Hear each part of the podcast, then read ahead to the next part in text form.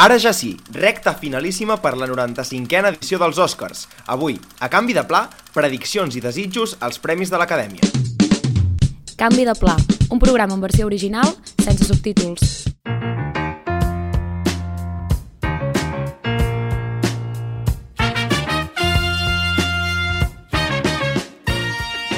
Benvinguts, benvingudes a un nou episodi de Canvi de Pla. Arribem gairebé al final d'aquesta marató de programes amb el moment culminant de la temporada de premis, les prediccions als Oscars.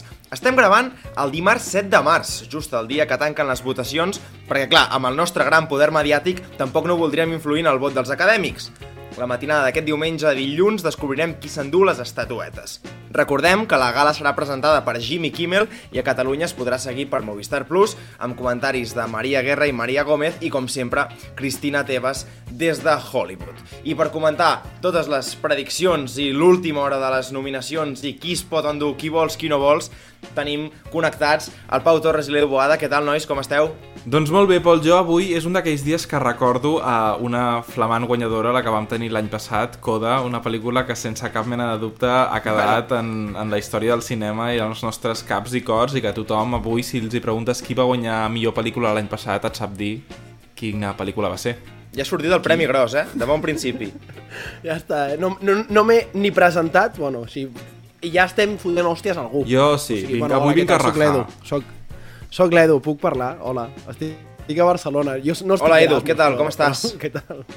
Bé, cansat. La meva, Si et sembla- Estic far d'això de, far d'això dels Oscars. o sigui, estic cansadíssim. Ja està, fins Ves aquí. que et cansaràs a la matinada de diumenge, a dilluns, quan t'hagis de quedar despert, però, si no, nosaltres et portem... És que ja, ja, ja us direm qui guanyarà, perquè venim tan confiats, hem fet tanta preparació, Sí. que el que es dirà aquí a partir d'aquest moment només seran veritats. Som-hi!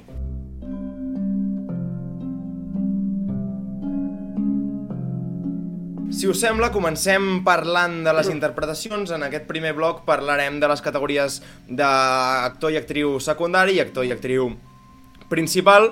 Uh, quina us fa més ràbia? Per quina voleu que comenci? Va, Democràcia. Actor secundari. Llegeixo uh, les nominacions. Dos uh, actors de The Banshees of Inisherin són Brendan Gleeson i Barry Keoghan. Brian Tyree Henry per Causeway. Uh, Jude Hirsch a The Fablemans i Ki Hui Kwan a Everything Everywhere All at Once. Nois, què teniu a dir d'aquesta categoria? Mira, doncs faig un repàs ràpid, si us sembla bé. Uh, Brian Tree Henry va entrar una mica... Uh, bueno, va tenir una mica de sort, va entrar... Està molt bé la pel·lícula, però és una pel·lícula que intueixo que haurà vist poca gent, per tant, dubto que se l'emportis, qui menys opcions té. Jude Hirsch a The Fablemans, eh, bàsicament, eh, es marca un Anne Haraway, surt 5-6 minuts, mm, no tindrà prou potència per guanyar.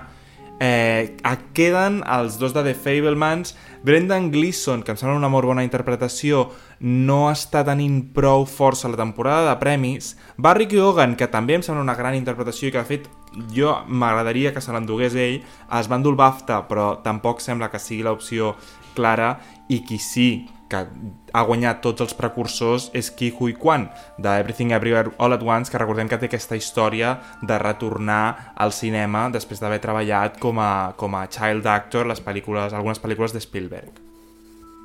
Clar, és que jo crec que aquí... Bueno, has dit, has dit que Barry Cogan i, i Brendan Gleeson, sense voler, has dit que eren Fabelmans, que són els de Banshees, Ah, per però que... sí, sí. Eh, no, no, perquè venies amb la cantarella i m'ho he mirat, tipus, merda, crec que no...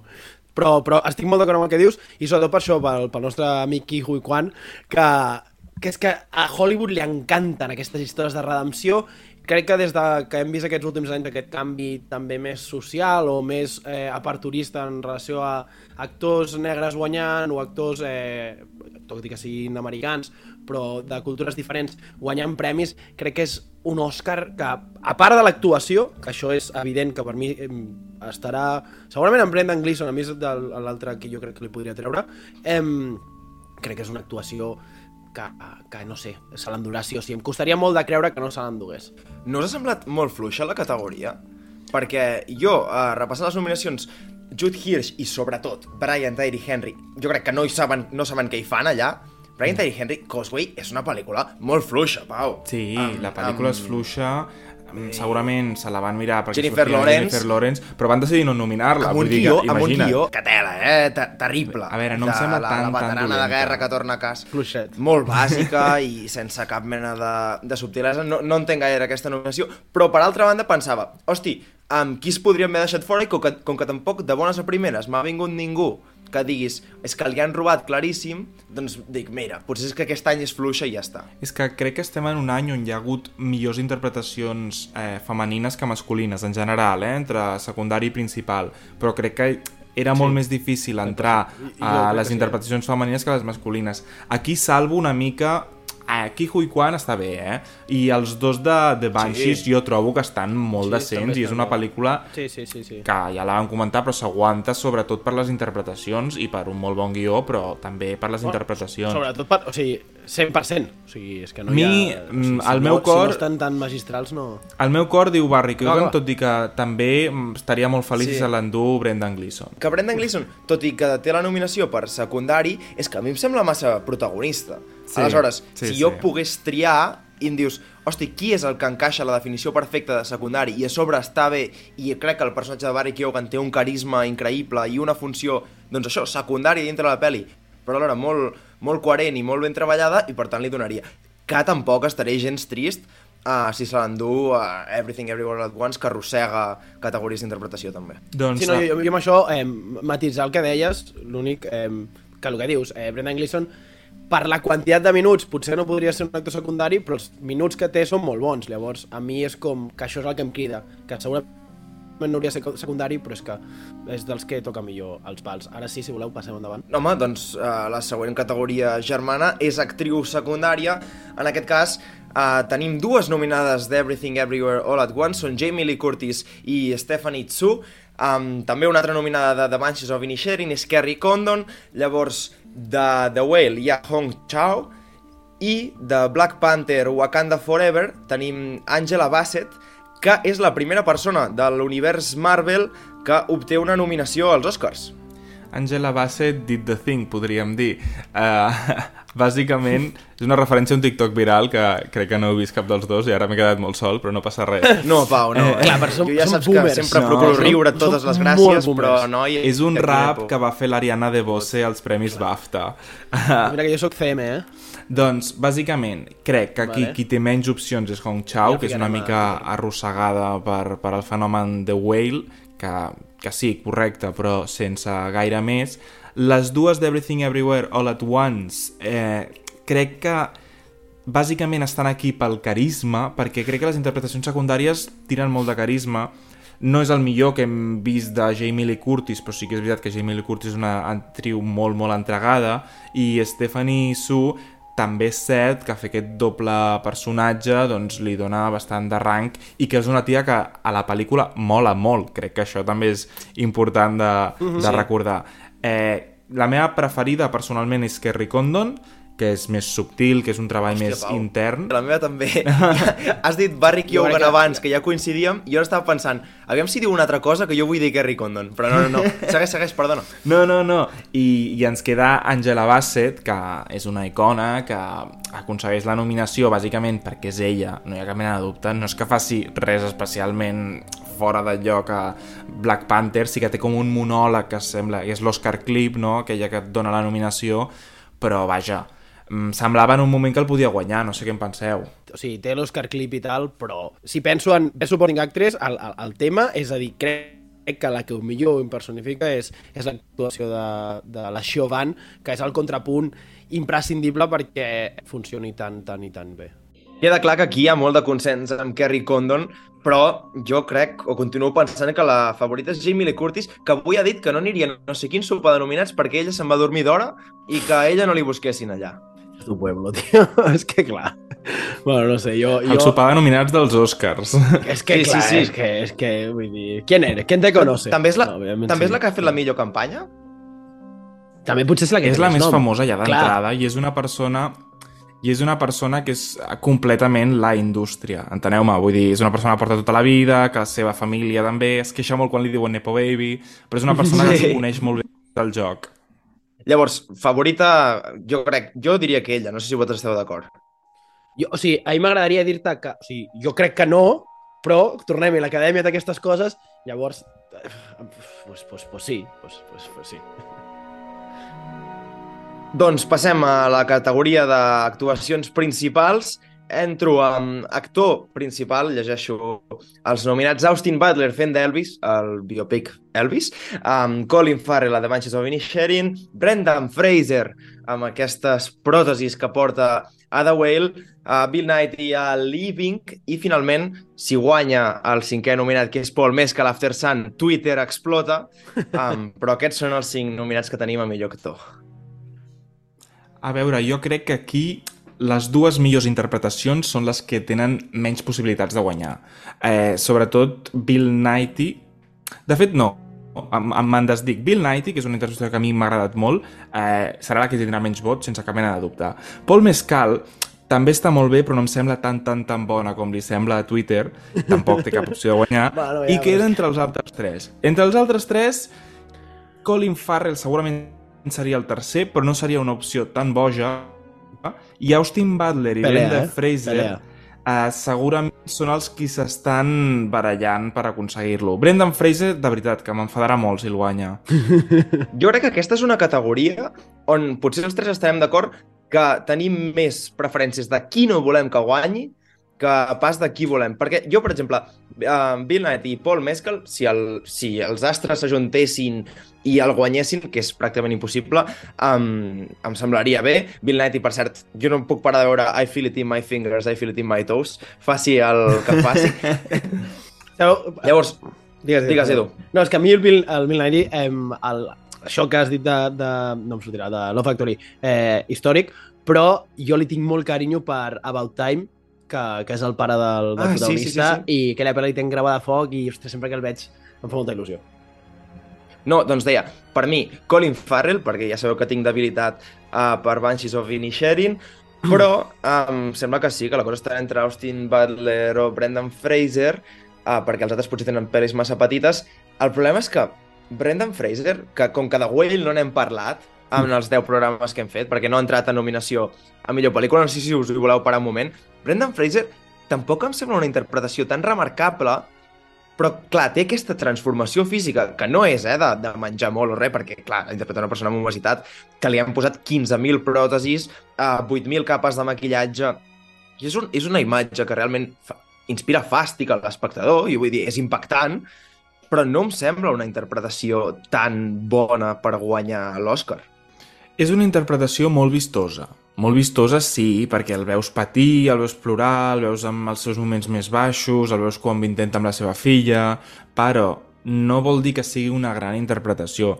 Tot i que és veritat que, a veure, és de les millors coses de la pel·lícula, però és una pel·lícula molt irregular, bastant dolentota i bastant controvertida, i jo trobo que, bàsicament, si se l'ha d'emportar algú, eh, entre aquests dos és Austin Butler, que a mi no, no m'agrada especialment, però posats a tirar per aquest camí i no, i no agafar a Colin Farrell, que és tirar per la subtilesa, qualsevol dels altres tres és tirar per la subtilesa, prefereixo Austin Butler, que fa una bona feina, Elvis, fa una bona feina. És un tipus d'interpretació molt concreta, però realment la tira endavant i no és una tasca fàcil eh, interpretar Elvis Presley, eh? Jo, jo crec que aquí, amb, amb una mica amb el que comentàvem abans, que, que també els highlights venen molt a Hollywood i, i crec que els camins de redempció eh, doncs també venen molt. Crec que ja el, els Globus d'Or crec que és que guanya millor actor en Fraser. No recordo ara quin, quin dels premis guanya, que té una, un speech també El molt, discurs. molt icònic que això també és fer campanya. I jo crec que si se l'endugués, doncs tots estarien d'acord en que, bueno, el que es pacta la pel·li i tal, però dit això, eh, i em sap greu també per tu, eh, Pol, perquè sé que el que t'agrada Colin Farrell, però a mi, Austin Butler, crec, i ara diré una cosa, dels biopics que hem tingut de cantants, està Taron Egerton fent de... de, de ja em sortirà, de... Elton John? d'Elton John, i després està Austin Butler fent d'Elvis. Ell ho fa molt bé. Després la pel·li, ja vam comentar-ho, té les seves coses. Però per mi, si jo hagués, fet, hagués de fer la meva aposta, seria Austin Butler, perquè a mi m'agrada molt el que fa amb, amb el personatge i, i jo crec que és un personatge molt disfrutant, a pesar de que la pel·li tingui les seves coses. Jo torno a, abans de passar de categoria, um, ara que hem tret The Whale, és que a mi, és que a mi no em va agradar. No em va agradar, em va semblar una, una motivitat barata d'un guió que, que està mal construït i et posen aquesta persona que la veus patir molt, um, però és com que pateix sense cap propòsit i llavors entre això i que tampoc... És pornografia emocional. Correcte, correcte, sí, sí, sí, sí, sí, sí. Però en una societat com la nostra això ven, tio, i moltíssim. Per això Austin Butler per mi seria el mal menor. No ha agradat gaire, eh?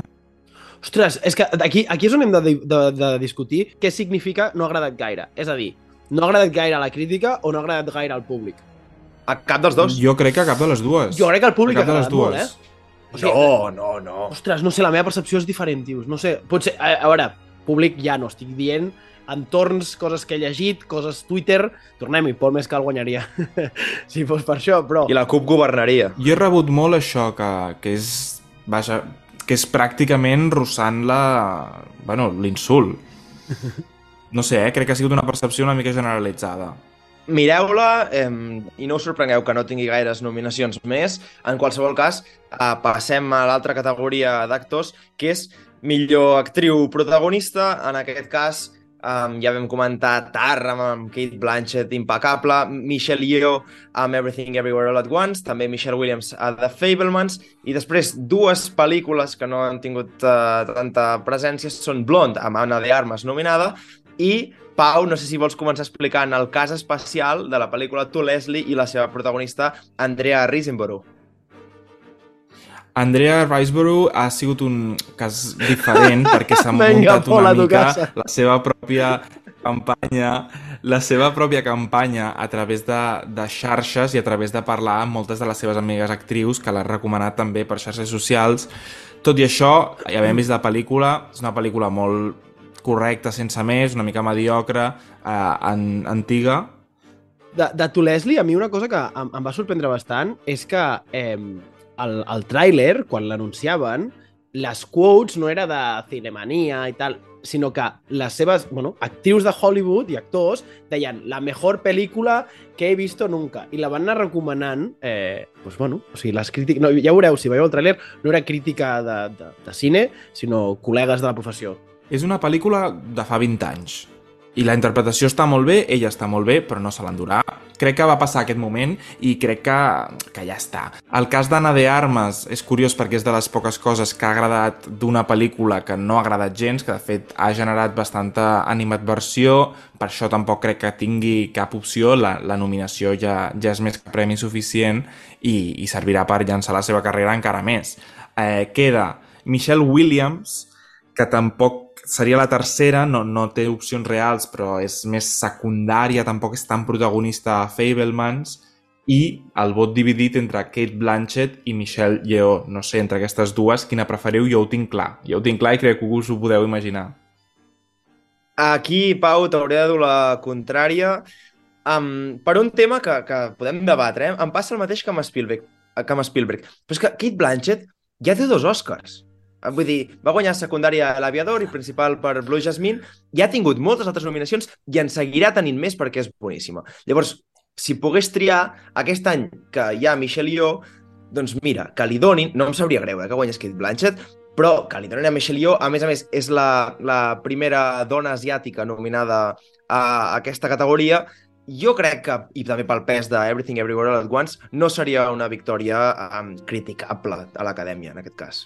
Jo crec que se l'endurà Michelle Yeoh per la, com estan anant aquestes últimes setmanes de campanya i pel pes que està agafant Everything Everywhere All at Once, però, tot i que estic d'acord amb tot el que has dit, Paul, és que Kate Blanchett, primer de tot, que és una actriu tan tan bona i tan tan important que es mereix tenir tres Oscars, i després que fa una interpretació tan incontestable tard, que és clarament la interpretació, la interpretació de l'any. Eh, D'homes, dones, és igual, o sigui, és clarament el, el més impactant que s'ha fet. Tar és una pel·lícula que ha agradat moltíssim i és que surt a pràcticament cada seqüència, cada pla. És una pel·lícula que és ella.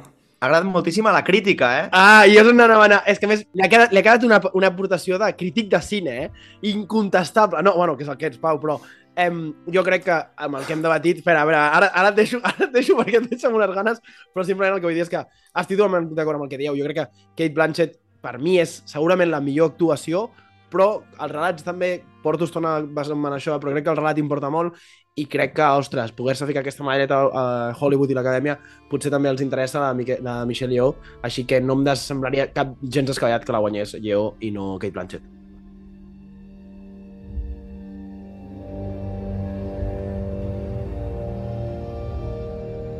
Canviem de tema, anem a parlar de pel·lícules més en general.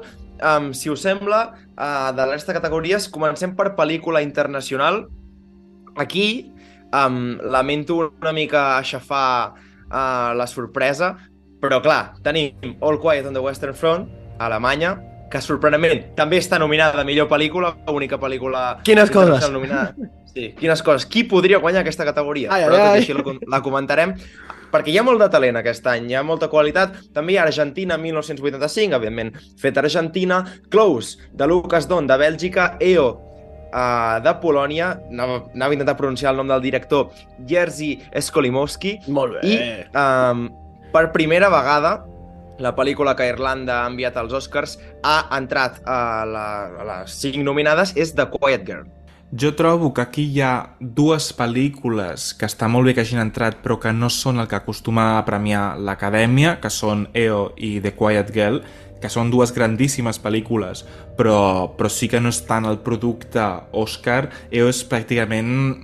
està tocant el cinema art, no?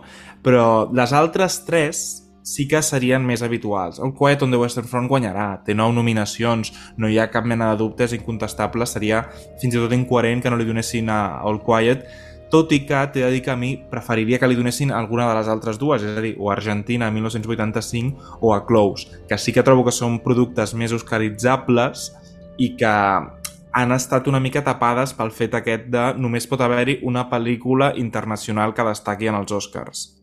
A mi, Argentina 1985, crec que la vaig veure, devia ser l'octubre, que, que em sembla que des d'octubre és a Amazon Prime o alguna cosa així, i em va semblar un pel·lículon Pel·lículot, sí, Però- sí, sí. d'aquells clà clàssics, eh? Història de, de... Aquests són els fets, pel·lícula històrica, ara te l'explicaré, apel·laré al sentiment democràtic, al, a criticar la dictadura, i et... això és el que et donaré i això és el que tindràs. I acabes aplaudint. El 7 de Chicago de, de Sud-amèrica. Sí, sí, no, clarament, però és que el Pol, el Pol és molt d'Aaron Sorkin, ja li agrada Ah, aquest tipus de, això. de pel·lícules. Llavors, Pau, em vaig veure EO i, i clar, eh, EO. una línia de diàleg cada 3 minuts, doncs a una persona com jo eh, em, em vaig saborir una mica. No, no em va agradar tant com, com a la gent. Ara em pots criticar a mi, si vols. No, no, ja ho he dit, que és una, que és una pel·lícula més... O sigui, cineart, és, és diferent. Que, que entri els Oscars ja és molt i em sembla bé per l'Acadèmia que entrin aquestes dues. I una cosa que vull dir de Quiet Girl, que és que la vaig veure i em va agradar molt i que no es malinterpreti el que diré ara, que és que penso que és una pel·lícula molt bona i que, i que es mereix completament la nominació i a més a més, en parts en gaèlic, que ja li va bé al gaèlic uh, ser present. Però diré, però diré una altra cosa. Aquí vam tenir Estiu 1993, que és una pel·lícula que a mi em sembla molt semblant, i ara per Twitter veig que tothom està perdent el cul per The Quiet Girl i el gaèlic, i aquí tenim 1993, fet en català, una pel·lícula sobre una nena petita, que en aquell cas li faltaven els pares, és, una, és un argument molt similar per mi. I sembla que, que no valgui per res 1993 perquè l'hem fet aquí. Home, ja la vam enviar als Oscars i no, no, va, no la van agafar, li va passar una mica Clar, el mateix això, que al Carràs, a Carla Simón. Sí, sí. I de Close no n'hem parlat massa, però també trobo que és un relat que qualsevol altre any hagués pogut guanyar l'Oscar, eh? perquè a més té aquest punt de crítica social que també agrada molt, sobretot en pel·lícula internacional. Doncs, tot dit, um, sembla que no hi haurà sorpreses, és una categoria que ja pot comptar All Quiet a Western Front, tocar una mica de metall. Entrem a guions. Um, comencem per guió adaptat, que potser és la, que potser és la més fluixa, i després anem per, per guió original, que potser és la més forta. Uh, com deia, guió adaptat, All Quiet on the Western Front, um, Glass Onion, Eyes Out Mystery, que aquesta està aquí perquè com que agafa personatges de la primera, no? ha d'estar Sí. a, a guió adaptat. També tenim Living, aquesta pel·lícula que hem dit de, que protagonitzada per Bill Nighy, Top Gun Maverick, que també com que és seqüela, i comentàvem fa pocs dies Women Talking, que és la cinquena que completa aquesta categoria. Aquesta categoria hi ha un parell que per mi a nivell de guió són fluixes, que són tant Glass Onion com Top Gun Maverick, està, tot ja i que està. Top Gun Maverick Sempre reben els millors. No, No, no, crec que destaca per altres coses, no justament pel Totalment, guió, totalment. i trobo que Pel so. seria una mica, una mica greu que s'endugués l'Òscar a millor guió. Sí, tens raó. Les altres tres en podem discutir més. Uh, Woman Talking es va endur el Premi al Sindicat d'Escriptors a millor guió adaptat, però recordem que uh, All Quiet on the Western Front no era elegible, per tant, s'ha d'anar en compte en com ho analitzem. I Living, que em sembla un, un guió boníssim, molt ben fet, molt delicat, uh, podria fer aquelles coses que a vegades fan, uh, que és una pel·lícula amb molt poques nominacions que li donen guió com a premi. Tot i que això, no sé si penseu que podria passar-li més amb Women Talking, Jo crec que totalment, o sigui, jo veig tot això i crec que Women Talking és... eh, Per mi, eh, el que, del que hem vist, s'ho hauria d'endur de carrer, o sigui, sense cap mena de dubte, perquè, no sé, no, no li veig... No, veient la competència, no sé, no ho veig gens clar. Doncs jo crec que s'ho endú All Quiet, eh? Uh, o sigui, té el factor... A veure, sí que és cert que, jo, Jo- què sé, potser Living, o, que té el factor aquest de ser adaptat d'una...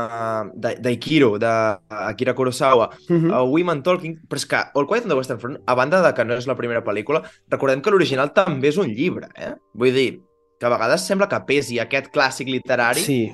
I- Jo aquí, el problema és que vinc una mica eh, sesgat, eh, de fet no és així la paraula Esbiaixat? Gràcies. Eh, una mica esbiaixat pel fet de que em va semblar, o sigui, jo vam parlar en el programa, se'm va fer molt pesat tot el rat un altre cop la Primera Guerra Mundial i llavors em costa molt apostar per ella, però té tot el sentit del món el que dius, perquè si, si ja guanyarà internacional, eh, l'adaptació és molt bona, però ja et dic, a mi em continua passant molt i crec que Woman Talking hauria de ser-ho. Pot venir d'això, Edu, o sigui, pot venir de si a la gent se li va fer pesada o no se li va fer pesada, perquè és una pel·lícula llarga, l'arrossegarà molt de pes les nou nominacions que té, la resta de pel·lícules són pel·lícules, mm, excepte Top Gun, eh, més petites, el que passa és que si se't fa llarga una pel·li costa més votar-la sobretot a guió. De totes maneres, crec que ara per ara és la que té més opcions, a Women Talking estarà allà allà i Living seria una gran sorpresa, molt bona per mi, a mi em faria molt feliç, però trobo que em quedaria com a aposta a All Quiet on the Western Front amb aquest asterisc de Women Talking.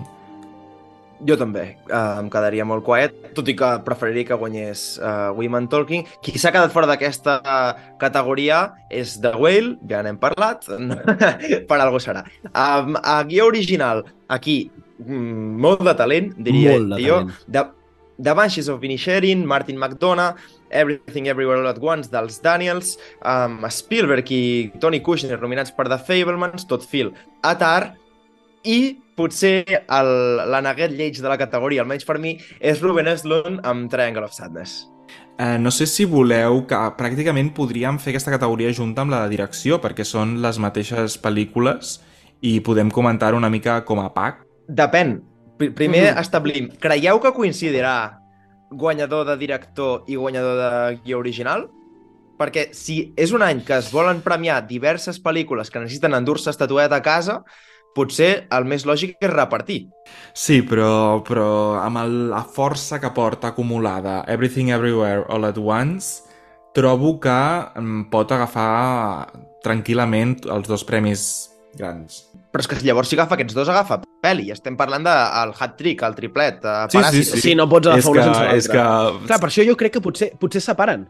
Saps? És a dir, jo crec que potser separen per això, perquè en un any que està realment una mica discutit, no ens enganyarem, eh, crec que és això, donar-li clarament el que dèiem, no? si dones eh, screenplay i, i, i dones director, has de fer la tríada. Llavors, crec que aquesta separació pot ser el que ens doni una mica el, el, el contrapunt de que jo crec que al final potser doncs, director... Bueno, és el que dèiem, director s'endurà a Òscar o, o, o millor screenplay s'endurà a l'Òscar definitiu. Dit això, jo avanço amb això, eh, crec que la que no s'endurà és of Sadness i la resta és que se l'enduguessin Banshees, Everything, The Filesman o Tar, em semblaria bé tot. O sigui, no tinc com a molt potser Tar i Everything una mica per damunt, però em sembla genial qualsevol de les quatre. A mi el que em passa, el que em passa, Edu, és que no sé, posant-me la pell dels votants, no sé quina combinació seria lògica. És a dir, si jo hagués de votar i estic dient que tal pel·lícula és la millor direcció, jo crec que Everything Everywhere All At Once li donaran millor direcció, sense cap mena de dubte. Estic Llavors, tu votes aquesta pel·lícula per direcció i no la votes per guió, a qui votes a guió? L'únic que podria mig entendre és Tar, perquè vols, la consideres molt bona pel·li i vols donar-li alguna cosa a tot fil, però no sé si té prou força. Llavors, Fablemans no ha acabat de convèncer suficient com per endur-se algun d'aquests premis grans en un any tan complicat i a més passarà el típic de Spielberg ja el tenim molt vist i Spielberg ja... Pobre el tenim Spielberg. premiat. Pobre avi. Llavors, els dubtes que a mi em queden és fins a quin punt l'acadèmia pot deixar, o un votant pot quedar-se tranquil sense votar en lloc o a, molts, o a cap premi important de Banshees of Inisherin o Tar, que han sigut dues pel·lícules que realment han agradat molt. Crec que aquí serà el dubte en totes les categories importants de la gala. Jo, si pogués escollir mm, a les dues categories, em, em sap greu per Everything Everywhere All At Once, però jo li donaria a guió a Banshee, de Banshees of Inisherin i direcció, jo crec que l'acadèmia es podria redimir demanar-li perdó a Spielberg i donar-li l'estatueta i dir-li, "Té, Ets pesat, això ets teu. pesat, No Això passarà, és teu. Pol. Això És que no teu. passarà. Oh. Això estic dient el que m'agradaria a mi. És que no passarà. Ja, I et penses sí? Mira, jo, posats a fer la carta al Per mi, per mi Banshees està més amunt que Tar, eh? Guió original. No fotem. Sí, però... Uh, mira, jo, Jo tinc dubtes, No, tio. aquí no. Aquí m'hi trobareu, eh? en un món ideal, posats a poder triar, jo donaria el millor direcció Everything Everywhere All At Once, els Daniels, millor eh, Compro. guió The Banshees of Inisherin, que trobo que és una pel·lícula Bé, que bé, està molt ben les bé. dues coses, però Va, millor guionitzada, T'ho millor escrita que millor dirigida, i Kate Blanchett li donem actriu principal, perquè no pot ser cantar, no s'emporti res. Ah, Bueno, però t'has saltat aquí, però tu has saltat aquí, estàvem anant... Sí. No, però algú us de donar tard. T'ho firmo. Però Tar ja li donem Kate Blanchett. Jo això des del primer moment. I, i s'ha de dir que jo crec que eh, sobre el paper seria de les coses més, lo més lògiques en el sentit de repartir talent, perquè n'hi ha hagut, eh, per sort, n'hem tingut aquest any, i jo estic d'acord amb aquesta aposta, tot i que ja et dic jo, aquí a Screenplay continuo doncs, una mica eh, indecis. Jo, mentre no guanyi Triangle of Sadness, res. No, no, per això, jo crec que això és com mandatori, o sigui, si guanya el Triangle of Sadness és per apagar la tele. Clar, hem fet ja una mica de les categories juntes. No sé si voleu afegir alguna cosa de director o anem ja pel Premi Gros de la nit. Doncs sí, anem a millor pel·lícula. Um, aquí agafo aire per llegir-les totes 10. Um, aquestes alçades ja hauríeu de saber quines són, que són les 10 que tenim programes, cas on dena. All Quiet on the Western Front, Avatar, The Way of Water, seqüela d'Avatar de, de James Cameron, The Banshees of Inisherin, Elvis, Everything, Everywhere, All at Once, The Fablemans, Tar, Top Gun Maverick, Triangle of Sadness i Women Talking. Per mi, aquí hi ha tres bandes diferenciades. Per mi, la banda més baixa és, indubtablement, uh, Triangle of Sadness, Elvis i Avatar, em sembla clarament. Elvis allà baix? Eh, jo potser estic d'acord. Jo vaig apuntant, vale? vaig fent notes. És que el Pau està fent tier list. Vaig, vaig, vaig guardant el tier list del Pau. Sí, sí, estic, estic fent tierless. I a la categoria B he posat o Fablemans, Women Talking, All Quiet on the Western Front, i això us sorprendrà, Top Gun Maverick, perquè vull reconèixer... Sí, ah, home, sí, home, Pau. No, no, Pau. sí, sí. Què fas? no Top, dient- Top Gun i Fablemans... Al... No, estic dient que siguin al mateix nivell. Top Gun seria la millor de la- d'aquesta banda i, i... No, Top, Fableman seria la millor d'aquesta banda i Top Gun la pitjor. I a la banda gran, Tar, Banshee- Banshees of Inisherin i Everything Everywhere All at Once. Però per mi, l'ordre és aquest. O sigui, la millor pel·lícula de l'any és Tar i després vindria The Banshees of Inisherin. Val, estic d'acord. Eh, es- es- esperava com que una anàlisi u- ultra objectiva. Uh, um, sí, Bé, no subjectiva, totalment d'acord. Um, Tard t'ha agradat molt, a, a mi força, Banshees of Inisherin per mi potser és la preferida de l'any.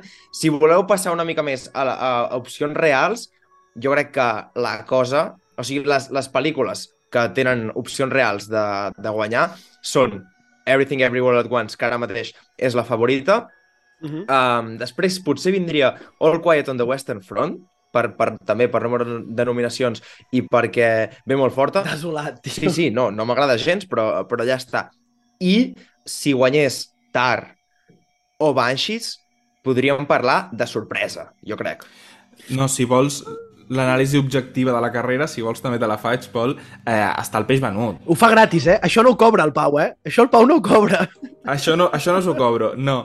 Està el peix venut per Everything Everywhere All at Once, o sigui, seria una sorpresa majúscula que no guanyés perquè és que s'han dut a tots els premis principals. S'han dut el premi de, del sindicat de guionistes, el sindicat d'actors, de, direc de directors i també el dels de, productors. Recordem que el dels productors és important perquè utilitza el mateix sistema de votació que els Oscars, és a dir, una votació ranquejada. Recordem, aquesta categoria, ho he explicat 50 vegades, però no em cansaré. És el, o sigui, dintre de que els Oscars són el període de l'any preferit del Pau, el, els minuts d'or són quan ell, en el programa de prèvia dels Oscars, diu Nois, ara us explicaré com funciona la votació de millor pel·lícula. Endavant, Pau Torres i Pagès, Som-hi. com s'escull la millor pel·li. No es vota com estem acostumats a la resta de categories, és a dir, tu agafes de totes les nominades la que t'agrada més i la selecciones, sinó que fas un rànquing. De la 1 a la 10, la que més t'agrada la poses primera i la que menys t'agrada la poses última. I les col·loques totes en un ordre. Llavors, el que fa l'acadèmia és eliminar la que té menys vots. I d'aquells vots agafen la segona opció i els tornen a comptar. Això ho fan fins que una pel·lícula aconsegueix més de la meitat dels vots emesos. Per tant, hi ha moltes rondes d'eliminació fins que eh, aconsegueixes més d'aquesta de meitat. I llavors, per això, passen coses com que l'any passat veiem Coda guanyant, que ja ho hem retret al principi, o fins i tot l'any, el 2019, que guanya Green Book, um, perdent contra, em sembla que és la favorita, no, Pau? Sí. Uh -huh. No, han passat coses estranyes des de des d'aquest canvi de sistema. Quan una pel·lícula genera divisió d'opinions, si molta gent la posa a l'1 però molta gent la posa al 10, estem fent aquí matemàtica uh, mm. elemental, eh, Edu? Sí, un moment, si va perdre el 2019 és que no era tan favorita, perdó. Ah, bueno, és veritat, el bromes. Perdoneu, tinc dos El, el Joker era el 2018, eh? perdó, perdó, perdó, perdó. Eh, deies, estem, estem, estem fent mates. Jo, abans de... O sigui, estic revisant aquí la tier list de, del Pau, i és que és això, jo crec que tot el que no fos aquest eh, tier A, que eren eh, Tar, Banshees i Everything, seria un ultratge, un mes de Hollywood, però veient com funciona el sistema, és que pot passar... O sigui, realment, quan dieu All Quiet, és que podria passar qualsevol cosa. Llavors... Eh... L'únic que em molestaria és que hi hagués sorpresa i que s'ho endugués All Quiet. No crec que estiguem en aquest punt, eh? No crec que estiguem en aquest punt, perquè All Quiet... Eh... I va haver un moment de la carrera que, que us semblava. A veure, van venir, van venir els BAFTA... Si ha donat algun sorpasso, seran ells, eh? Van venir els BAFTA i va passar que se'n van dur molts, però recordem que els BAFTA eh, hi ha una cosa, i és que el director d'All Quiet on the Western Front no està nominat als Oscars, sí que estava al BAFTA. Llavors ens hem d'agafar tot amb una mica de pinces. I crec que All Quiet se n'endurà bastants, estic d'acord, però no crec que se n'endugui uh, suficients, de suficients potents com per guanyar millor, millor uh, pel·lícula. Perquè li estàs donant millor pel·lícula a algú que no té ni direcció ni cap, cap interpretació i en el millor dels casos tindria guió home, és una mica, és una mica arriscat. Esperem, esperem que sigui així, perquè de veritat que no, no ho entendríem en absolut. Teniu alguna cosa més a afegir de la categoria reina? No, jo realment que espero que no ens robin un any més. Jo no, així que Pau, és el teu moment. No, jo sí, que, que parlàvem abans, que no ho hem acabat de tancar, del tema de divisió. Abans, una pel·lícula, mm, per guanyar, mm. simplement havia d'haver-hi més gent que l'agradés que qualsevol altra de les, de les nominades. Ara no és només això, és el que dèiem, que si tens molts uns però tens molts deus, pot ser que abans d'arribar a la ronda on se't sumin els vots eh, ja estiguis fora, perquè ha generat molta divisió, però crec que pel que hem vist pels diferents gremis, eh, Everything Everywhere All at Once no és aquesta pel·lícula, no està generant tanta divisió com tothom diu. Tothom diu, no, és un tema generacional, els votants de més de 60 anys no les seleccionaran. Home, doncs no ho sé, perquè si ha estat guanyant tants premis previs, que també hi ha molts votants que són els mateixos, mmm, no ho tinc tan clar, no ho tinc tan clar.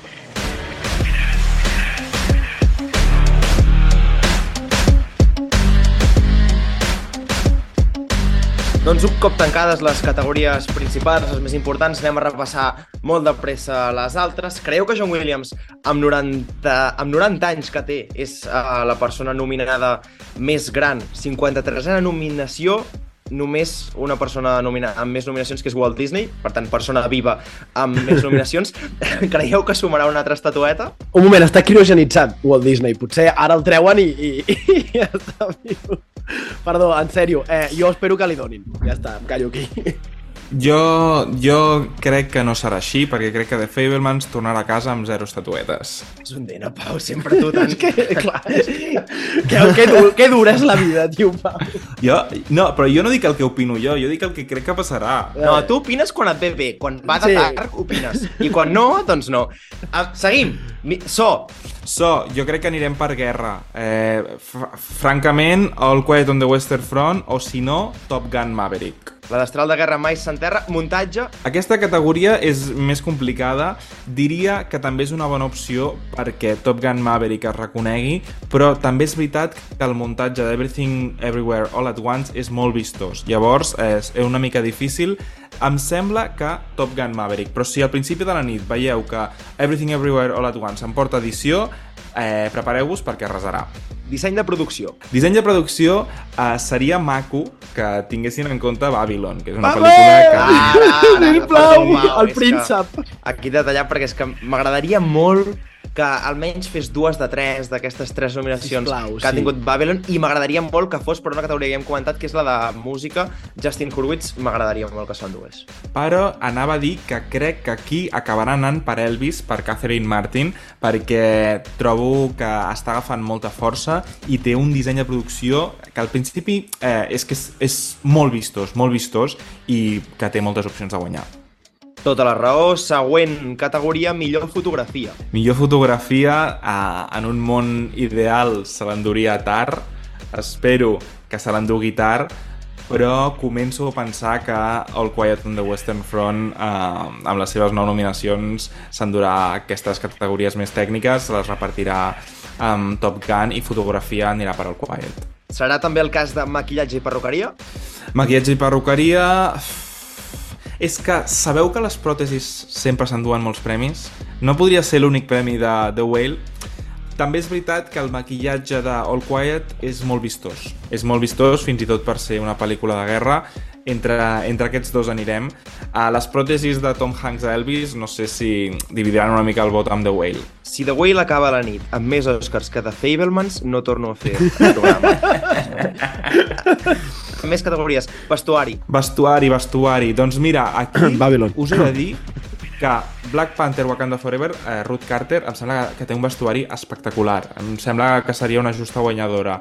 Tot i que Babylon també està molt bé, Elvis també està molt bé, però eh, mm, diria que fins i tot aquí guanyarà Everything Everywhere All at Once perquè és que està agafant tanta força que podria acabar la nit amb 6 o 7. És que la veritat és que el tema dels multiversos dona molt de sí, sobretot per tema de vestuari, i no seria estrany. De les categories que queden, Pau, alguna cosa a destacar? Va, anem a destacar algunes categories més. Animació, eh, Pinocchio, de Guillermo del Toro, sense cap mena de dubte, aquesta sí que és clara i està molt bé perquè podem tenir allò que a vegades ens queixàvem i és pel·lícules d'animació per adults que s'enduïn l'Oscar. Si anem a millor pel·lícula documental, jo us he de dir que el meu preferit, sense cap mena de dubte, és el de Laura Poitres, el The Beauty and the Bloodshed.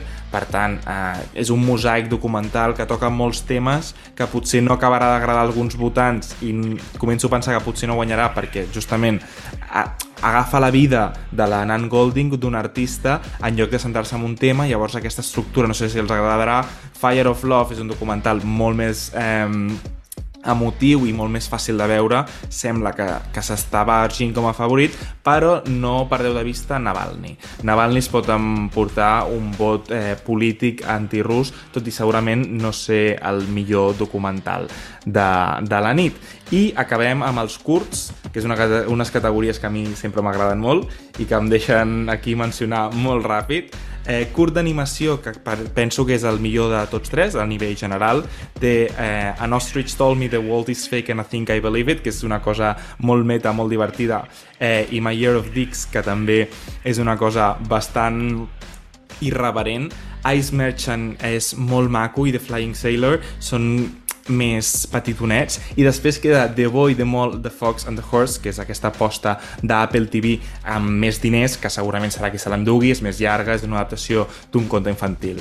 Què més tenim? Doncs tenim el curs de, de documental que m'ha semblat mm, una mica justet en salvo eh, en salvo Howl Out i The Elephant Whispers, els dos sobre animals, i critico especialment Stranger at a Gate i The Martha Mitchell Effect, que els trobo molt, molt, molt, molt fluixets, tot i que trobo que Stranger at a Gate té opcions de guanyar i m'enfadaria molt. Acabo ja amb millor curt d'acció real, a millor curt de ficció.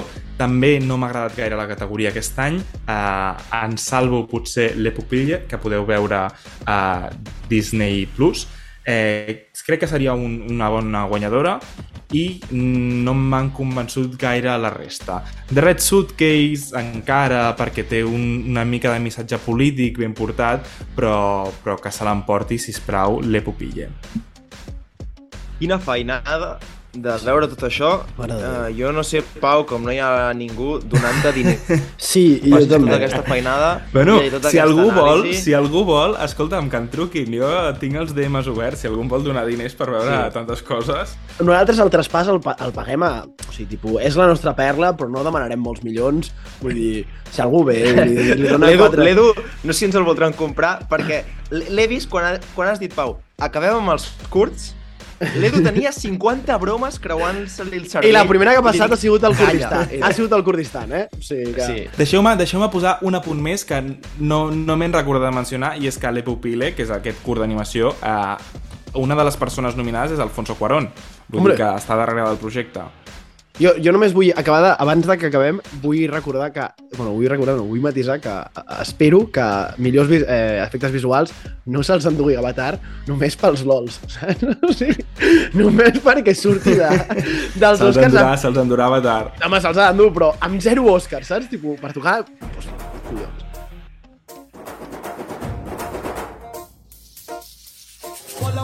Ens hem guardat un espai abans d'acabar el programa per parlar de la categoria de millor cançó. Ara, nois, a part de parlar de la categoria, hem de decidir amb quina cançó acabem. Llegeixo les 5 possibilitats. Tenim Aplaus, de lletra i música de Diane Warren, per la pel·li Tell It Like a Woman, Hold My Hand, de Top Gun Maverick, uh, de Lady Gaga, Lift Me Up, a Black Panther, um, Rihanna, Natu Natu, de RRR, R, R, R, triple R, um, de Kira Bani i lletra de Chandra Bose, bueno, Gràcies. i després també de Everything Everywhere All at Once tenim el temazo que ja vam comentar de This is Alive. No sé què us sembla aquesta categoria. Uh, jo diria que Lift Me Up i Aplaus estan fora. This is Alive es podria beneficiar molt de l'efecte Everything Everywhere All at Once. Natu Natu en el seu moment va tenir moltíssim, moltíssima força, però la veritat és que ningú ha vist RRR, no crec que els votants hagin vist RRR, i Lift Me Up, que és Lady Gaga, eh, potser pot agradar pel nom. Natu Natu, jo, clar, no, no, no he vist la pel·lícula, però l'he escoltada, i és la més diferent de totes. Totes són aquest Això ritme pop, soft, no sé què, a més a més amb estrella convidada per treure el nom, i Natu Natu és l'estil més diferent. Sí que, clar, té la llosa aquesta de ser de la, de la pel·li menys coneguda, però a mi m'agradaria que guanyés, potser. Jo crec que no és la favorita, però per altra banda no seria una gran sorpresa. És a dir, està dins del que podria passar a la nit. O sigui, estaríem amb Lady Gaga, eh, ara mateix, que ja va guanyar per Shallow. No, o oh, oh, This is Alive, eh, potser. No ho tinc tan clar. This is Alive, jo apostaria per This is Alive. I This is Alive, si no m'equivoco, està integrada dintre la pel·li. No estem Sí, parlant és de que- cançó dels crèdits. Exacte. Això per mi ha de pesar, també. Hauria. I jo, jo és que estic amb vosaltres. Sí, que sí, sí, sí. This is Alive ho té, i sobretot per lo que heu comentat durant el programa i durant els programes de nominacions, quan vas amb aquesta embranzida, que et comences a endur premis, eh, fa una, fa una olor a This is Alive que, que flipes. Doncs acabem amb This is Alive, ja que ens ha agradat tant. No tenim problemes de copyright, no? I si no, doncs ja vindran. No? Ja veurem, ja veurem. Ja ens arribarà el mail demà? Sí, vull dir, què vol que fem? Probablement. Doncs escoltem-la. This is a life free from destiny. Not only what we sow. Nois, ara sí, moment clau, eh? D'aquí tres dies ja són els Oscars. Moltes gràcies, Pau. Moltes gràcies, Edu.